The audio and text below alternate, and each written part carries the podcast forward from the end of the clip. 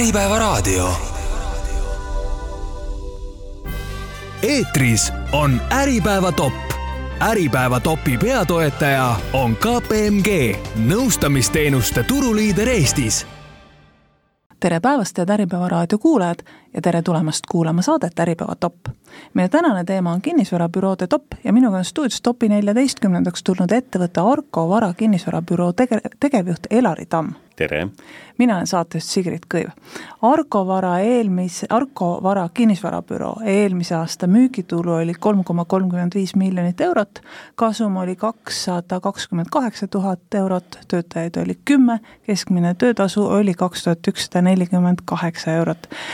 Elari Tamm, kuidas sa ise neid numbreid vaatad? no ettevõtja vaatenurgast ütleks, et kõike võiks olla rohkem,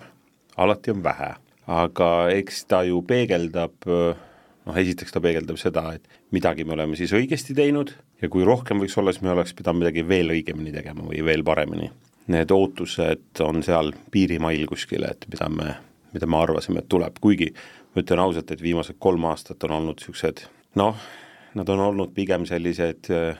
päevhaaval, nädalhaaval, kuuhaaval tegutsemine kui selline väga selge strateegiline liikumine, et et sa tead strateegiliselt, mida sa tahad, sa tahad olla hea äh, klientidele, sa tahad olla hea oma töötajatele, oma agentidele, aga lõpuks on point selles, et äh,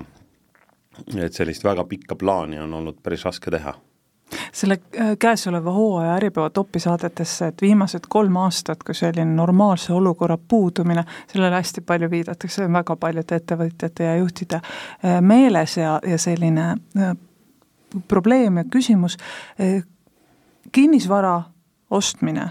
on sageli ka selline emotsionaalne teema ja ma oletan, et, et äh, niipea, kui koroonahaigete arv läks üles, kukkusid teil kliendid ära. niipea, kui Kiievi peale läks üks mürsk, kukkusid teil kliendid ära, kas see on nii või, või on ka ostjad selle nagu noh, ebanormaalse normaalsusega harjunud? no see on natukene turu väiksusest äh, tingitud asjaolu et äh, ega suurtel turgudel ka loomulikult on mõjutavaid aspekte rohkem äh,, aga meil on neid, meil on neid veel rohkem. et me, meie, ütleme, ettevõtlus ja meie inimesed on palju rohkem mõjutatud ja mõjutatavad ja seda siis meie, ütleme siis, üsnagi väiksed ettevõtted tegelikult ju tajuvad või saavad siis kohe sellega no ma ei tahaks öelda pihta, aga põhimõtteliselt peavad sellega tegelema. et see see on natuke turu suurusest ka tingitud, et kui siin on, tehakse suurusjärk tuhat üheksasada korteritehingut Eestis äh, kuus, ütleme, ja allapoole, siin jaanuaris oli veel tuhat nelisada millegiga, et siis tegelikult me saame aru, et noh, need numbrid ei ole väga suured ja siis sa saad aru ka, et seal taga ei ole nii palju kliente. et siis ongi seda emotsionaalsust natuke rohkem. tänavuse, tänavuse aasta numbrid äh noh, varsti tulevad, lüüakse kõik kokku, majandusaasta aruanded tulevad välja, et äh, kuidas need nüüd tulevad, kas need on pigem sarnased eelmise aastaga või on seal midagi uut, vaatab vastu? Nad on kahjuks madalamad ja see on tingitud paraku sellest, et me ei ole suutnud turust ees käia, vaid natukene selle turuga koos. ehk tehingute arvud on langenud ja ostjaid on vähem turul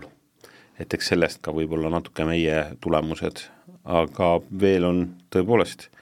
veel on paar kuud pingutada ja, ja me teeme täpselt samamoodi viimased pool aastat ja rohkem sellist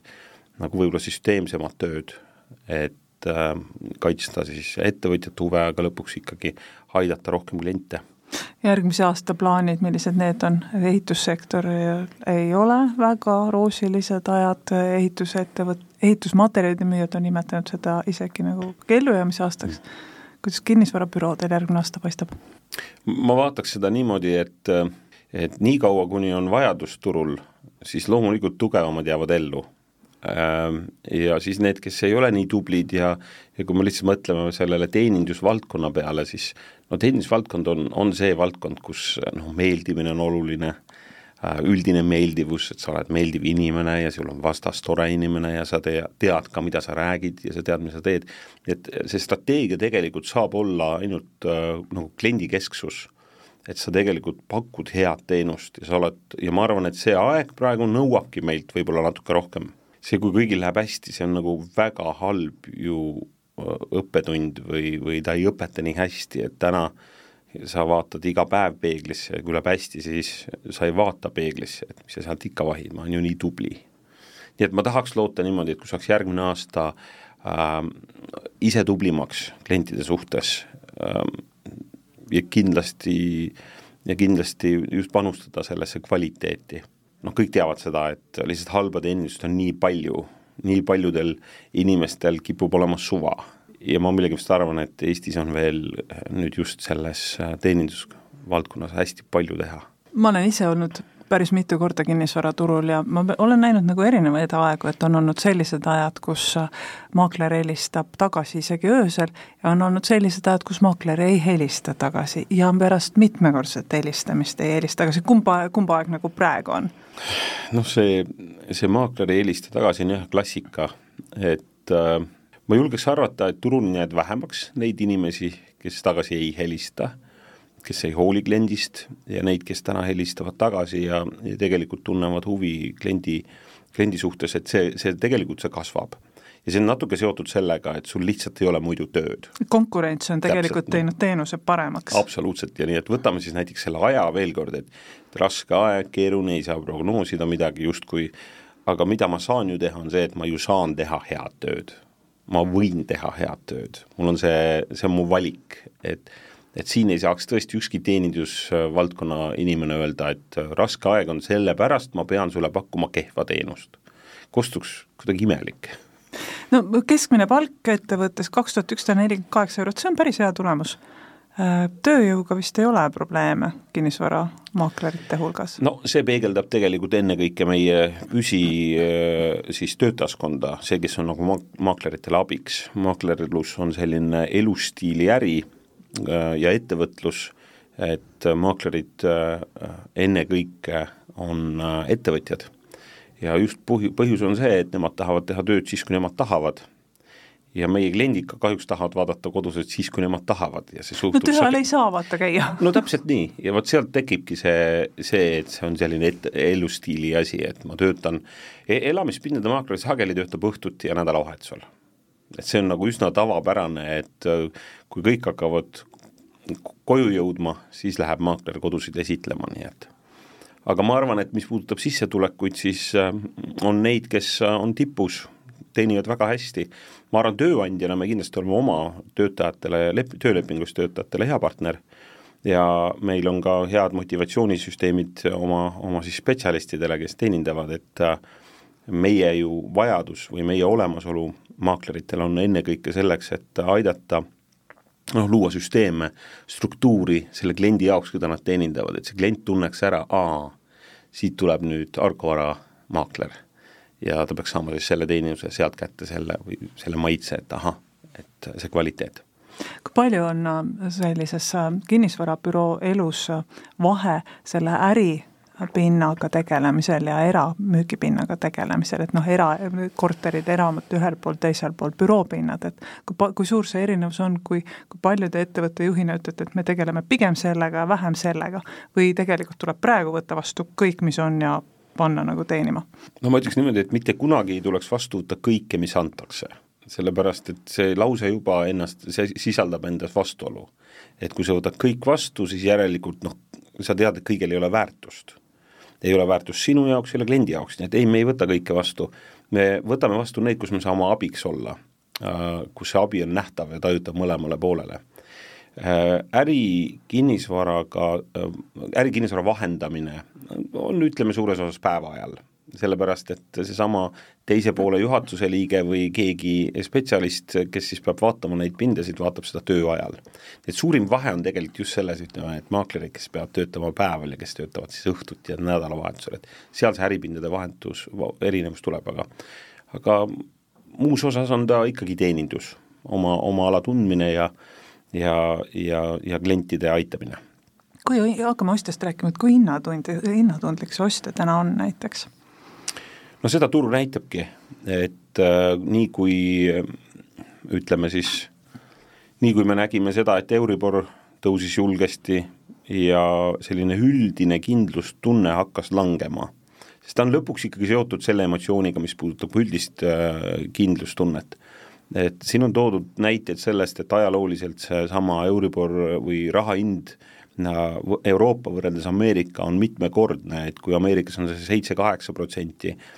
siis noh, see ei tundu nii kõrge ja, ja inimesed teevad sellega äh, koduoste, siis noh, täna meie neli, mingi hetk öeldi, et kui neli tuleb, et siis me oleme kohe põlvili ja, ja kõik on läbi, ta vähendas küll ostjate hulka ja me näeme täna tõesti seda, et ostjad on pigem äh, kas lükkavad oma ostu edasi või mõtlevad, äh, mõtlevad, et just, et jääme siis sinna koju, kus me oleme, ma ei tea, mõtleme renoveerimise peale, võib-olla mõeldakse üüri peale rohkem, et ei taheta seda kohustust võtta, nii et et kindlasti on praegu ostjate võim, aga teiselt poolt neil on ka palju mõtteid. keegi peaks aitama vahest neid asju nagu lihtsalt nagu sirgendada, et okei okay,, mul on, ma ei tea, mis teha praegu. üks ju lemmik selliseid investeerimisvahendeid on, et nüüd ma ostan mingi pinna ja üürin seda välja ja saan rikkaks, kuidas te sellise äriplaani peale vaatate kinnisvaraettevõtjana? jah, see on, see on ju mudelina ju arusaadav mudel, sa ostad, ostad selle üürikodu ja, ja üürid välja, tähendab, ostad kodu ja üürid välja. seal on lihtsalt täna, see on ka natukene selline mahuäri, et ühest korterist ei piisa. ja, ja tänane Euribor sööb päris palju sellest rahast ära, aga seal on muidugi teine pool ka, et ta ju võib selle intressiosa on kõrgem, aga lõpuks see omakapitali osa, ma ei näe, et need hinnad siin ütleme, viie või kümne aasta jooksul peaksid millegipärast langema võrreldes meie põhjanaabritest näiteks allapoole või pigem kui see on kasvamas, et et tegelikult noh, isegi selle ärimudeli ei ole täna midagi halba, et sa, sa investeerid sa pead äh, mingisugust võib-olla rahavoogudes kannatama natukene, sest intress on kõrge, aga lõppkokkuvõttes noh, küsimus on, et millal sa siis ostad, tipust või? no palju õnne! kuivõrd on ärikinnisvaras seesama tendents näha, et klient on näiteks tundlikum? no ärikinnisvaras on täna väga tundlik klient. et äh, see, mis puudutab täna suuremaid, äh, ütleme siis äh, suurima, suuremaid büroopindasid ja ma ei räägi siin premium-klassist ja südalinnast, kus võib-olla tõesti oodatakse sellist head, hea kvaliteediga suuremat pinda, kuhu oma, oma keskmisest suurem ettevõte viia aga üldiselt, kui rääkida lihtsalt üüripindadest äh, äri kinnisvaraturul, siis äh, seal on päris keeruline. Äh, ja noh, seal on siis võib-olla mitu asja, ühelt poolt on jätkuvalt ju ka üürileandjate ootused kasvanud, mitte langenud. Nemadki, nendegi ostud on seotud laenudega, see tähendab, et ka nende raha on kallinenud, nendegi rahavoog on ütleme, negatiivne ja siis sa iga hinna eest tahad ju välja anda neid pindasid, aga siis ei, ei jätku seda üürilevõtjat nii palju, sest ma ei tea, hakkame sealt startup indusest pihta, jõuame tööstuseni välja, et eks eks me näeme siin päris mitmetes sektorites sellist äh, madalseisu. palju see kodukontorite töötamise stiil üldse mõjutas ärikinnisvara hindu? sellest ju räägiti päris palju. jaa, kindlasti ta mõjutas, et äh, ja ma arvan, et äh, Äh, üks IT-ettevõte ju ka hiljuti teatas, et, et koroonast sai kõik alguse ja nüüd otsustasid panna kõik kinni. et kui vaadata nagu seda trendi, siis ma arvan, et mitmed ütleme, sellised ettevõtted, kes on kasutanud büroosid noh, sellises traditsioonilises võtmes, on täna pigemas, pigem tegemas hübriidi või siis minemas lausa sinna, et ei ole bürood. Seal on oma väljakutsed, aga kui vaadata lihtsalt nagu ütleme, pinna suhtes, siis on aru saada, et kui sul on sada ruutu pinda ja sul on näiteks kolm töökohta, noh siis sa küsisid, et miks mul peaks nii palju seda pinda olema ja siis sa tahad seda vähendada, siis sa pead leidma selle sajale ruudusele omakorda, et ma ei ütle, et seal ei, ei toimu midagi, aga kindlasti on täna nii büroo kui, no ütleme, büroopindade äh, valdkonnas äh, väljakutseid piisavalt kohe ei saa jätta küsimata, sest see on ka üks küsimus, mis puudutab ärikinnisvara. palju teie hinnangul veel mahub kaubanduspindu Tallinnasse, mitu kaubanduskeskust võiks veel ehitada? Ma ei oska sellele küsimusele vastata, Äh, ma tean, et sellele võiks pigem läheneda, sellele võiks läheneda matemaatiliselt, aga need loogikad, mida ma olen kunagi näinud, on üldiselt olnud sellised, noh, need on ammu lõhki. et äh, kellele jätkub kliente mitte, et võtad selle T1, eks ole, et kõik sellest on rääkinud, et näe, ei jätkunud klienti, ei läinud käima, ma saan aru, et see on ka natuke selline valdkond, et keegi teeb midagi paremini kui teised ja siis tal on turgu veel ja teistel ei ole, et seal on see X-faktor ka olemas sageli, nii et ma ei tea, kui palju neid mahub, ma saan aru, et äh, ma ei tea, lihtsalt kliendina lähen täna nädalavahetusel Kristiinesse, siis küsid, et oo, mis siin toimub, see on nii palju inimesi. Või lähed Ülemiste, sõidad parklast mööda ja mõtled, et kust kus see majanduskriis on? täpselt, et neid, neid inimesi on väga-väga palju, et suure tõenäosusega need on ka siis need inimesed, kes on täna ostjaturul kinnisvara ostmas Äh, oskate te ka, oska, oskad sa ka prognoosida, milline on see kinnisvara, kinnisvaraturg näiteks aasta pärast? või poole aasta pärast, poole aasta pärast, kas on see hullem, aasta pärast hakkab paranema, mingisugused, te ju mingisugust hingust tunnete kogu aeg turult? kui me oleme tehingute arvul seal kaks tuhat kuusteist äh, tasemel, siis äh, noh, ma mõtlen tagasi kaks tuhat kuusteist aastale ja ma väga niisugust kriisi ei tajunud kaks tuhat kuusteist ikka elasid oma elu ja käisid tööl ja tegid oma tööd. ma arvan, et, et aasta pärast on äh, tehinguaktiivsus kasvamas, kui Euribor on langemas, seda lihtsalt oodatakse, see on selline psühholoogiline surve. Äh, kas ta on reaalmajanduslik, kas inimestel on jõukust, ma ei oska vastata sellele, ma ei tea. mu tunnetus on see, et see on rohkem psühholoogiline kui reaalmajanduslik, et kui reaalmajandus hakkab kasvama, siis tegelikult esiteks seal on viivitus sees, enne kui me hakkame seda nägema siis ka numbrites. Ja näeme, näha, nägema seda, kuidas, kuidas kodusid ostetakse julgemini ja ja oma ammused unistused tehakse tõeks, eks ole, et sellel kõigel on viivitus sees. aasta on väga lühike aeg tegelikult. Äh, ja äh, noh, täna teed otsuse aasta pärast, okei okay,, hakkame siis aasta pärast ehitama, hakkame aasta pärast müüma. kui nüüd on see õige tunne, siis teeme seda. et noh, iseenesest võiks seda kõike vaadata võib-olla pigem kolme-nelja aasta vaatest. kuidas, äh, kuidas see asi siis välja nägi aga ma tahaks loota, et on aktiivsem turg aasta pärast. aga ma saan aru, et Euribor on ikkagi see põhiline asi, mis praegu mõjutab turgu, käitumist põhimõtteliselt, kui Euroopa Keskpank koguneb, siis te hoiate hinge kinni, kuni uudised tulevad? tegelikult mulle tundub, et äh, me tahame, et see nii oleks, aga tegelikult äh, see ei ole ainult see, ei, ma ei usu, see on pigem see üldine äh, kindlustunne. kas inimesed tunnevad, et nende töö, tööandja on kindel, kujuta, kujutage ise ette näiteks, et saate sõpradega kokku ja siis äh, üks hakkab rääkima, et ma ei tea, tead, kuidagi täna oli kahtlane seal töö juures, teine ütleb, ma nägin ka ja selline, noh, sellel on oma mõju. et hetkel see mõju ei ole nii hea. et see, ma arvan, et kas me aasta või see Euribori muutumisel, ma arvan, et siis, kui see, siis kui see mõju hakkab teistsugune olema siis kui inimesed saavad hakata mõtlema, et kuule, kas lähme reisile või aa, nüüd on aeg kodu müüma hakata või oh, ma tahaks endale sellist väikest stuudiokorterit kuskile sinna kalamajja või, või midagi ilusat või mulle meeldiks midagi sellist. vot siis inimene saab rääkida nendest asjadest, kui tal on mingi kindlus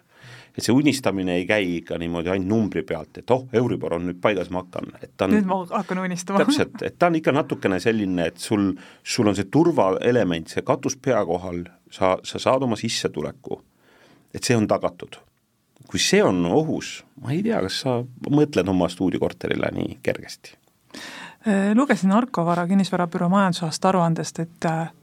lauset, et juurutate turult vihjete kogumise süsteemi, mida see tähendab?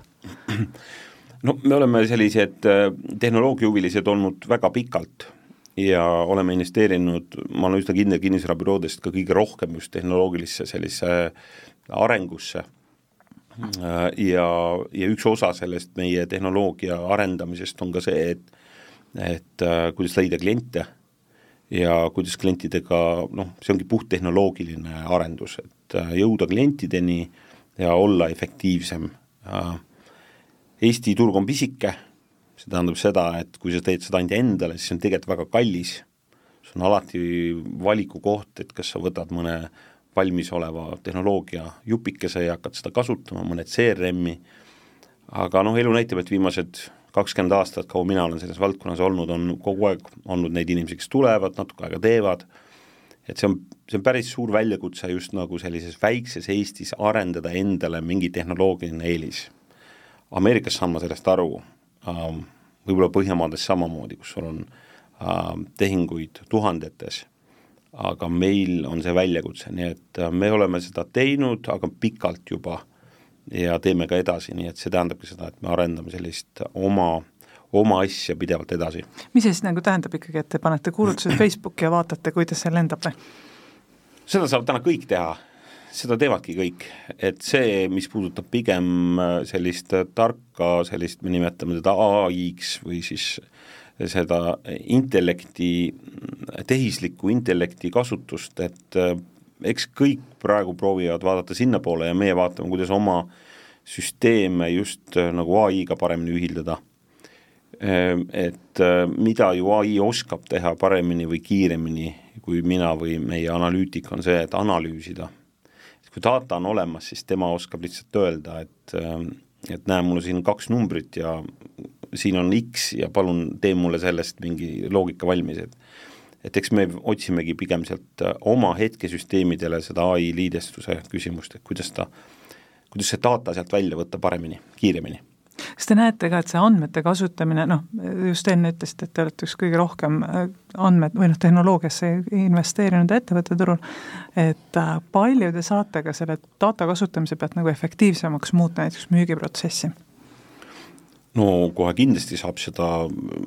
ma protsentuaalselt ei oska enne just ütlesid, emotsioon on tähtis jaa, ma selles. protsentuaalselt ei oska seda ütelda, aga selles mõttes, et kui ikkagi süsteem teeb sinu eest ära viis käiku või kümme käiku, siis see teeb sind oluliselt efektiivsemaks. et ma arvan, et see on nagu, mida me ju nendest süsteemidest üldse oot-, otsime, et kõik, mida mina teha ei saa, mida arvuti saab teha, või ütleme, et mida ma ei taha teha ja arvuti saab teha, peaks arvuti tegema. ja siinkohal äh, ma seda just mõtlengi, et meie, meie süsteem aitab nii maaklerid kui hindajaid teha asju kiiremini. ja kui me suudame ai liidestada, eh, rohkem andmeid, ütleme, eh, andmeid on ju palju, just töödelda, et kui mõelda vaid, et vanasti olid siis andmetöötlejad, need olid äh, ütleme, laudade viisi inimesi, kes seal neid andmeid töötlesid ja see inimeksimuse faktor oli kohe kindlasti päris suur, siis noh, täna me oleme jõudmas päris uude huvitasse aega, et ma ootan sealt natukene midagi, et ei saa öelda, et valmis on, aga ma otsin sealt seda, seda järgmist huvitavat faktorit. kas see järgmine huvitav faktor Äh, ma saan aru, et äh, taha raadioeetris seda niimoodi lahtiste kaartidega jutustada, ma ütlen kuulajatele, et Alari äh, Tamm muigas, Elari Tamm, vabandust, Elari Tamm muigas. Et aga, aga kas see järgmine siis see asi andmetega, kas see võiks aidata ka sellel turul sellest praegust madalseisust natuke nagu üle saada? ei, selles mõttes, et see, millest mina räägin, on ennekõike ütleme siis klientide teenindamiseks, äh, klientide teenimise efektiivsem vorm. kuidas kliendid saaksid mugavamalt äh, kodu osta, kodu müüa, äh, ma ei ole kindel, et ta on koheselt, veel kord, innovatsiooniga on see, et sina ei tea, millal tema siis innovatsiooniks läks, et et me pigem otsime sellist võimalust, kuidas efektiivistada just seda ostu-müügiprotsessi ja, ja aidata klientidel teha neid otsuseid kiiremini, et seesama küsimus, et maakler ei helista tagasi, see on ju suur probleem. ma ei saa oma vastuseid, võib-olla see on päev-kaks, aga aga hakka siis liitma seda aega, eks ole. et siis sa saad sellest tohutu nii energia kui ajakulu, mis, mis läheb lihtsalt kehvale, ütleme siis möödarääkimisele. või siis äh, vastused, mis on tegelikult olemas arvutis, äh, ai teab juba aga sina ei tea, eks ole, et kiiremini vastata su küsimustele, ma arvan, et see võib selles mõttes turgu muidugi muuta, et keegi on kiirem, keegi suudab äh, vastata sinu küsimustele ennem. ja, ja kliendile tundub, et saab asjad lihtsalt kiiremini absoluutselt ja noh, üks, üks, vahest äh, tuleb ikka vastata küsimusele, et miks neid maaklereid vaja on ja, ja tegelikult võiks ju ikkagi nagu kuulutustes on ka see otseomanikult, et maaklerit mitte tülitada. Siin, siin see diskussioon on nagu poolik, sellepärast et no mina lähtun sellisest ütleme siis turumajandus vaatenurgast, et kus on nõudlust, seal on ka pakkumist. ega maaklerid muidu ei oleks, kui poleks vajadust. no tõesti ei oleks, kui keegi neid ei vaja, siis neid poleks. aga teine pool on selles, et ostja ja müüja vahel on konstantne probleem, üks tahab osta äh, hinda ja teine tahab müüa oma armast kodu ja siis nüüd ongi tegelikult seda vahemees, kes tegelikult toob kaks inimest kokku ja teeb võimalikuks tehingu ma võin täitsa julgelt öelda, et ilma maaklerita tehinguid ei toimu lihtsalt ei toimu. milles siis asi, see otseomanikult, seal jääbki see, et telefonikõned jäävad vastamata, küsimused jäävad vastamata, kas seesama tuleb mängu? seal on professionaalsuse küsimus, me kõik oleme oma valdkonnas professionaalid, teie vestlete minuga siin professionaalina, mina olen siin amatöör ja, ja püüan hakkama saada, ma ei tee teie tööd, ma ei saa seda teha, ma ei oska seda. Äh, ja maakler on ka keegi, kes on nagu õppinud seda. Ja seesama juriidiline kompetents, seesama ehitustehniline info, arusaam, mis katus on, mis vundamendid on, seesama turunduse arusaam, et kuidas siis panna see objekt silmade ette, mis äh, selle ära ostaks või siis, või siis võtame ka veel sellise müügioskuse et sa oskad müüa, et sa, kui sina ütled mulle, et püüa saada mu objektist parim hind, mis praegu turul võimalik on, noh, siis see ongi minu ülesanne, kuidas seda teha, noh, ja siis selle eest sa saadki tasu. Et äh, see, seal on, seal on puhtalt see kompetentsid, kompetentsi hulk, mida on vaja omandada ja siis, ja siis sellega sa saad kliente aidata. nüüd, kui ostja-müüja saavad kokku, siis neil on nagu ette programmeeritud probleem. ja loomulikult keegi ütleb, Elari, tead, mina sain hakkama, mina sain hakkama, vaata igaüks saab üks, kaks, kolm, neli kodu maha müüdud, see ei ole küsimus. küsimus on selles, et mis järgi jääb, noh, me ehitame suhteid, me ehitame tegelikult, me müüme sadu kodusid aastas Äh, ja meil on nagu see mitte ainult maht, vaid see suur hulk selle taga, seda tööd ja ja häid suhteid inimestega, palju positiivset tagasisidet, palju õpikohti, kus me oleme saanud ka aru, et näe, siin me oleme midagi valesti teinud, et eks me, me teeme inimeste elud oma tööga lihtsamaks, aga selle alus on professionaalsus, mitte lihtsalt vahendaja olemine. kas chat GPT juba kirjutab äh, maaklerite eest kinnisvarakuulutusi uh,? Jaa, kirjutab küll Äh, ja ta teeb seda üllatavalt hästi, äh, ma olen ise proovinud korduvalt, paned sisse näiteks, et äh, tee mulle müügikuulutus, ühetoaline korter Mustamäel, näiteks paneelmaja, kirjeldad seda asja, siis ütle, aga tee see selliseks kuulutuseks, et see sobiks näiteks sellisele investorile. ja ta teeb? ja ta teeb, et loomulikult sa seda nagu noh, vaatad selle üle, aga sa hoiad selle pealt tegelikult päris oluliselt aega kokku. aga meie läheme siit nüüd väikesele pausile tere tulemast tagasi kuulama saadet Äripäeva top. täna räägime kinnisvarabüroode topist ja minuga on stuudios topi neljateistkümnendaks tulnud ettevõtte Arcora kinnisbüroo, kinnisvarabüroo tegevjuht Elari Tamm. räägime nüüd kinnisvarasektori tulevikust, räägime sellest, mida toob tulevik kinnisvaras ja kinnisvarabüroodele. et me juba rääkisime tehnoloogiast, andmete kasutamist, millest ma saan aru, et Arko Vara kinnisvarabürool on tulemas midagi võimast ja salapärast. Ja chat GPT aitab kirjutada võrratuid kuulutusi, aga milline see kinnisvara tule, tulevik on, kas ühel hetkel eh, nii, nii era, era kui ka ärikliendid hakkavad näiteks huvi tundma, et kas see on ikkagi ehitatud jätkusuutlikest materjalidest, kas siin on võimalik energiat kokku hoida, ega siin ei ole kitsekesed viga saanud seda maja või büroohoonet püstitades? no ma arvan, need on kõik täna juba küsimused, et kui ma arvan, et äh, enamuse siis kodudest finantseerivad pangad, siis äh, pangad on kinnisvara, kõige suuremad omanikud kinnisvarale, eks ole, et omavad kõige rohkem kinnisvara, siis noh, pangad ja ka Euroopa Liidu tasemelt juba seesama ESG teema, mis puudutabki siis sellist äh, jätkusuutlikku ehitust äh, ja ma arvan, et seda küsitakse juba täna, see on juba väga erakliendid ka küsivad seda? ütleme niimoodi, eraklient küsib ju seda võib-olla lihtsustatult. tema küsib seda selliselt, et et mis siin küttekulud on. ja see on juba natuke küsimus ju, et aga kui hästi see ehitatud on, mis siin seinas on, kas see on, kas see on, ma ei tea, meil on A-energia klass, passiivmajadest ei ole ju veel mõtet palju rääkida, aga aga A-energia klass, B, C, E, F, eks ole, et äh, need on juba ammu teemad äh, ja ma arvan, et ta tuleviku kontekstis saab aina nagu, aina olulisemaks, eriti kui näiteks energiahinnad ei peaks äh, mitte langema, vaid näiteks isegi tõusma. aga, aga äriklient, kas tema on nagu äriklient ei ole erinev sellest, äriklient soovib täpselt samamoodi väga efektiivseid hooneid ärikliendile on kindlasti olulisem äh, mitte ainult see, et mis need kulud on, kuigi ma ütlekski, et tema on sama, ettevõtja on sama arukas nende teemadega kui eraklient, aga ta mõtleb võib-olla veel rohkem Exceli formaadis, et meil peab olema. Aga, aga see, mis puudutab siis seda efektiivsust ja, ja uusi tehnoloogiaid, seda äriklient kindlasti väga, väga hindab juba täna milliseid trende sa näed äh, kinnisvarasektoris äh, nagu tegutsevat või toimivat, et üks kümme aastat tagasi ma mäletan, olin ühel sündmusel ja ürit-, perekondlikul üritusel ja olin ainus koos oma tädipojaga, kes polnud kolinud maale äh, kuskile linna äärde metsa eramusse. kuidas see tänapäeval on, et kas, kas see trend on jätkuv, et inimesed tahavad kolida linnast välja,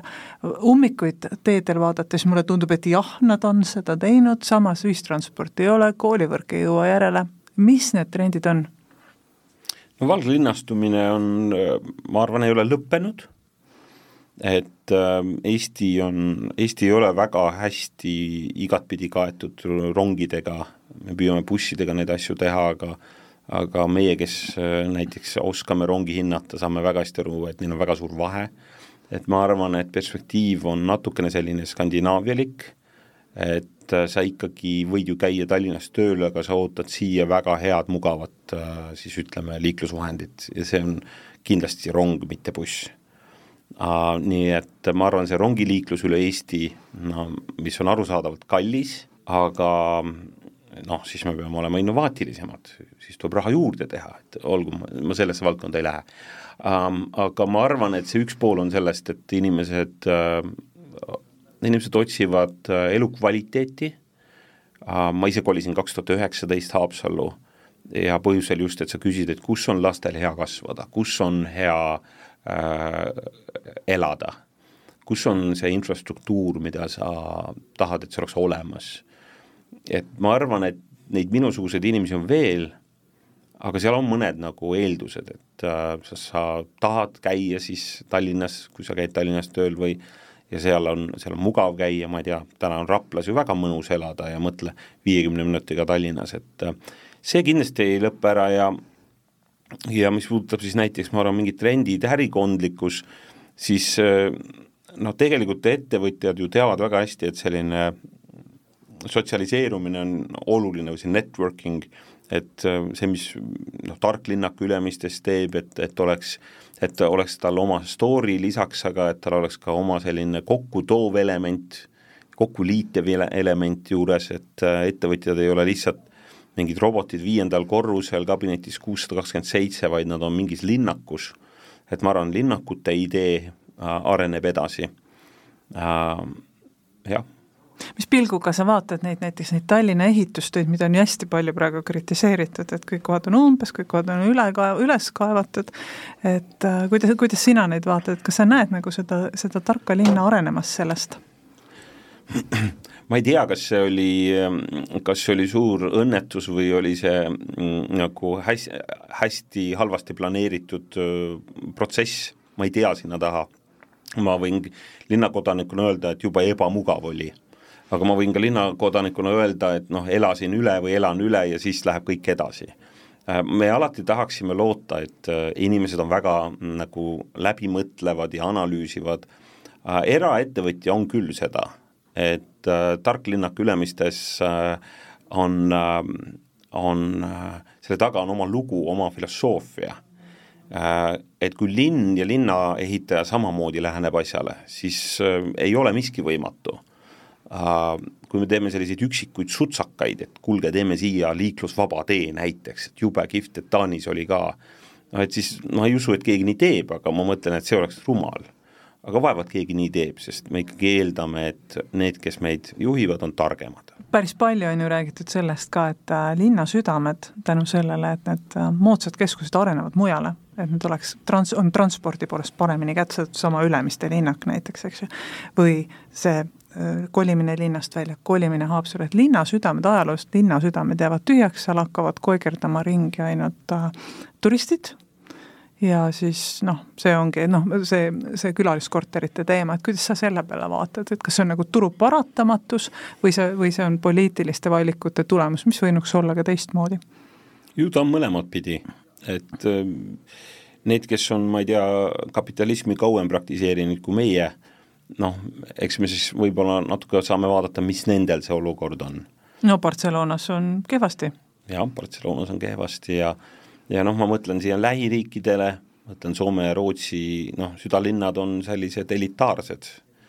see, mis puudutab soovi elada kesklinnas või tegutseda kesklinnas, noh, ei ole paljudel üldse kättesaadav sa oledki eeslinnas, sa oledki Espoos, sa oledki Vantaas, mis on omakorda juba suured linnad ja, ja moodustavad ju Helsingist suure osa tegelikult üldse. et ma arvan, et tulevikus ikkagi seesama kesklinn on elitaarne äh,,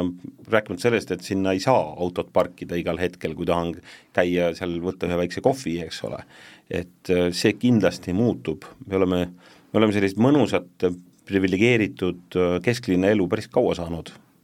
aga ma vaatan siin kõrvalriike, siis ma arvan, et see kaua meil ei kesta.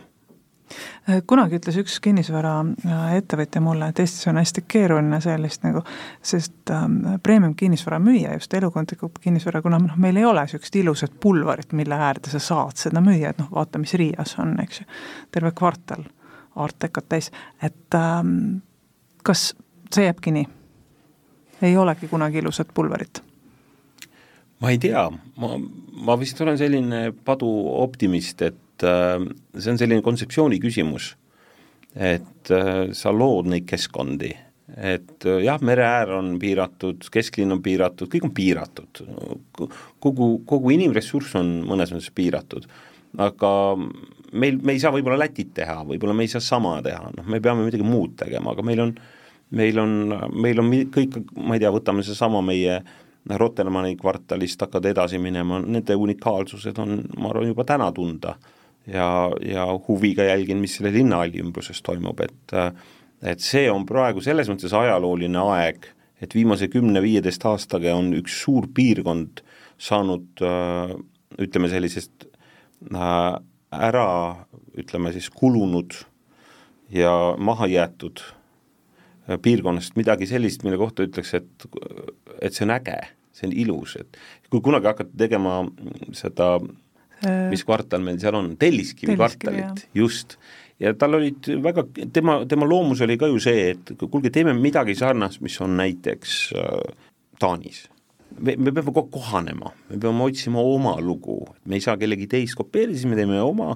aga me saame alati midagi, midagi nagu sellist teha, et mulle tundub küll, et see kümme-viisteist aastat ja võib-olla, võib-olla isegi kakskümmend, päris huvitavaid asju on loodud, mida, mida tagasi vaadates, noh, võtame kas või see Ülemiste linnaku. Ülo Pärnist nägi selles midagi, millest teised ei näinud.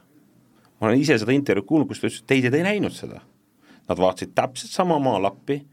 täpselt samasuguste silmadega, vähemalt tehnoloogia mõttes, aga nad ei näinud. kas sa näed ehituses ka mingeid selliseid tehnoloogilisi uuendusi, et sa vaatad seda ja mõtled, oh, seda maja oleks hea müüa? ei, mul vist ei ole niimoodi ühte konkreetset, ma arvan, et selliseid maju on hea müüa, mis on äh, läbimõeldud, millel on oma loogikad, äh, tehnoloogilised loogikad, millel on äh, mingisugused sellised keskkondlikud loogikad ja inimesele peab olema see keskkond hea et äh, kui sa võtad lihtsalt korrus korruse peale, et elab esimene ühe korru-, esimese korruse teisel üksteise peal ja mitte mingisugust muud vaheseina ei ole, kui ainult üks mingi betoonlatakas, no siis saad aru, et see ei ole hea inimesele. et ma arvan, et kõik, mis luuakse eh, nagu selle kvaliteediga, et inimese elujärg paraneb, neid ma naudin, nende müüke, sellepärast et siis siis ma saan ju vaata, ma saan ju head teha inimesele, tema elu läheb paremaks, mitte halvemaks. selle mõttega on hea lõpetada, suur tänu Arko Vara kinnisvarabüroo juhile Elari Tammele selle usutluse eest nüüd on minuga stuudios KPMG partner ja vandeaudiitor Helo, Helen Veetamm. Eh, Helen, eh, sina oled aastaid jälginud kinnisvaraettevõtete käekäiku, eh, ütle mulle, sa vaatad kahe tuhande kahekümne teise aasta tulemusi, siis nüüd milline milliseks kujuneb see kahe tuhande kahekümne kolmas aasta, mis oleks sinu jaoks tõeline üllatus, kui sa leiaksid seda majandusaasta aruannetest, et mis on see eeldus, kuidas see, kuidas, mis meile siin varsti vastu vaatab majandusaasta aruannete pildis? -hmm. tere ka minu poolt, et äh, vaatasin ka ennem siia tulemist üle, et mis me eelmine aasta rääkisime. et umbes aasta tagasi samadel teemadel rääkisime, tegelikult ma ütleks, et kakskümmend kolm aastat kirjeldab juba kakskümmend kaks aasta neljas kvartal ehk siis oli juba näha seda, et, et tehingute maht aeglustus väga tugevalt, et kuigi ta siin kakskümmend kolm aasta alguses nüüd äh, ikkagi natukene sai hoogu sisse, et see Euribori mõju jõudis kohale tunduvalt hiljem, et siis äh, ma arvan, et ma oleks väga üllatunud, kui kaks tuhat kakskümmend kolm oleks nüüd mõnel kinnisvarabürool tunduvalt parem kui eelmine aasta et ma arvan, et on väga hea tulemus, kui need tulemused on sarnased, et eh, noh, käibe mõttes nad võivad ka sarnased olla, aga kasumlikkus on kindlasti löögi all, sest sisendhinnad või kulude pool on kindlasti kasvanud. et ma arvan, et eh, võiks olla üllatus, kui on nagu väga palju ka parem see kakskümmend kolm, aga noh, see on kindlasti positiivne üllatus.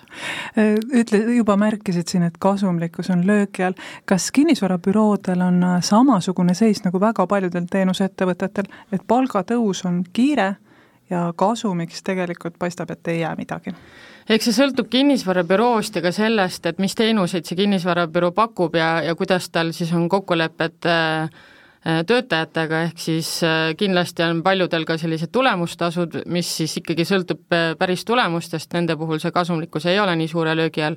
üldkulud on kindlasti kõigil löögi all, kõigil on ka kasvuprotsent seal sees, et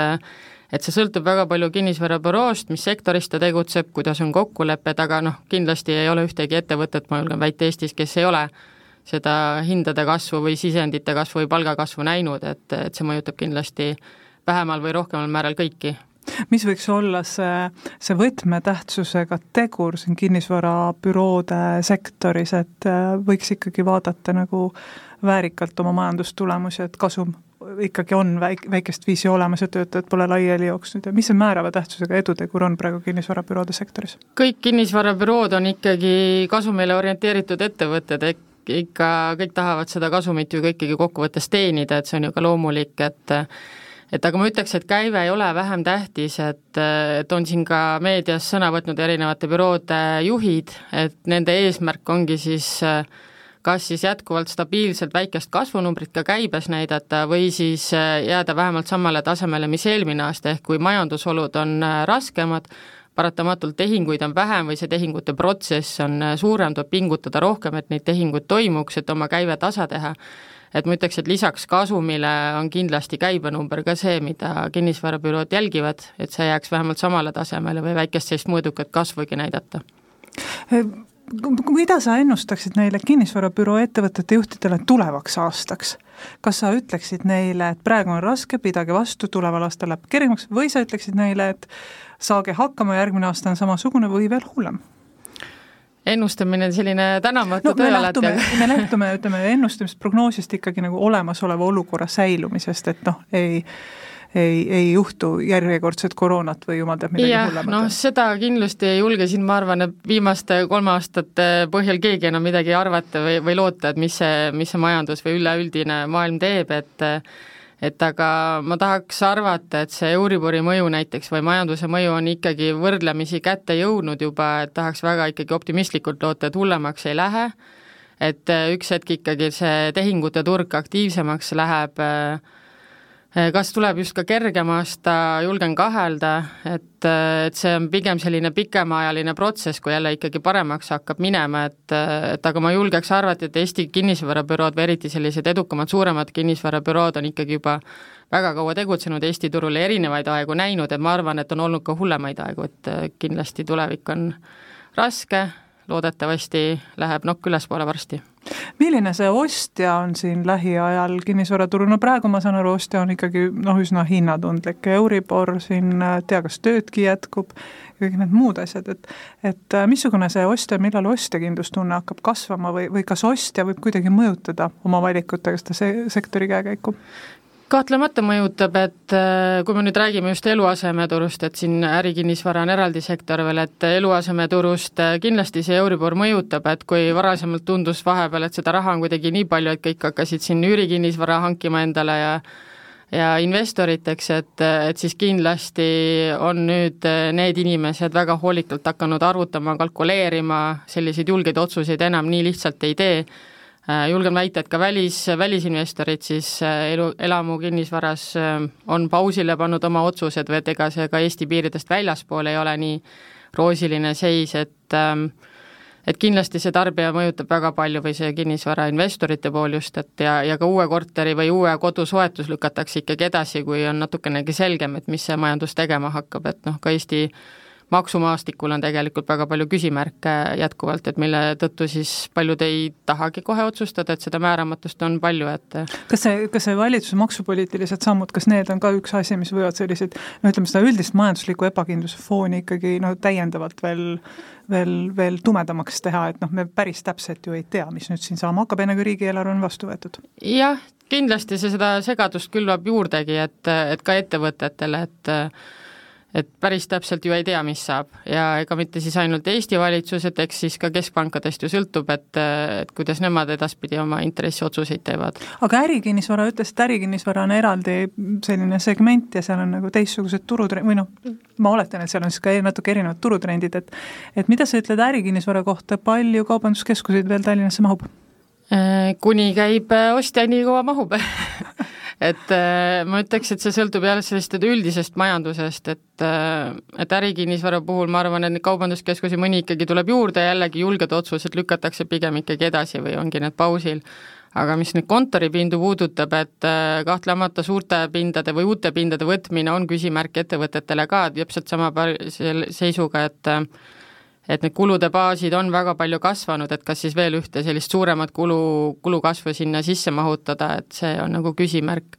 Aga kindlasti on Eesti turul ka ettevõtted, kes jätkuvalt kasvavad ka oma inimeste arvuga, et kes vajavadki suuremat pinda, et need on siis need, kes liiguvad ühest kohast teise meie saateaeg on otsa saanud, tänases saates rääkisime Arko Vara kinnisvarabüroo juhi Elari Tammega nii Arko Vara kinnisvarabüroo käekäigust kui ka sektorist üldisemalt ja turukommentaari andis KPMG vandeaudiitor Helen Veedam. mina olen saatejuht Sigrid Kõiv ja me kuuleme jälle nädala pärast. eetris on Äripäeva top äripäeva topi peatoetaja on KPMG, nõustamisteenuste turuliider Eestis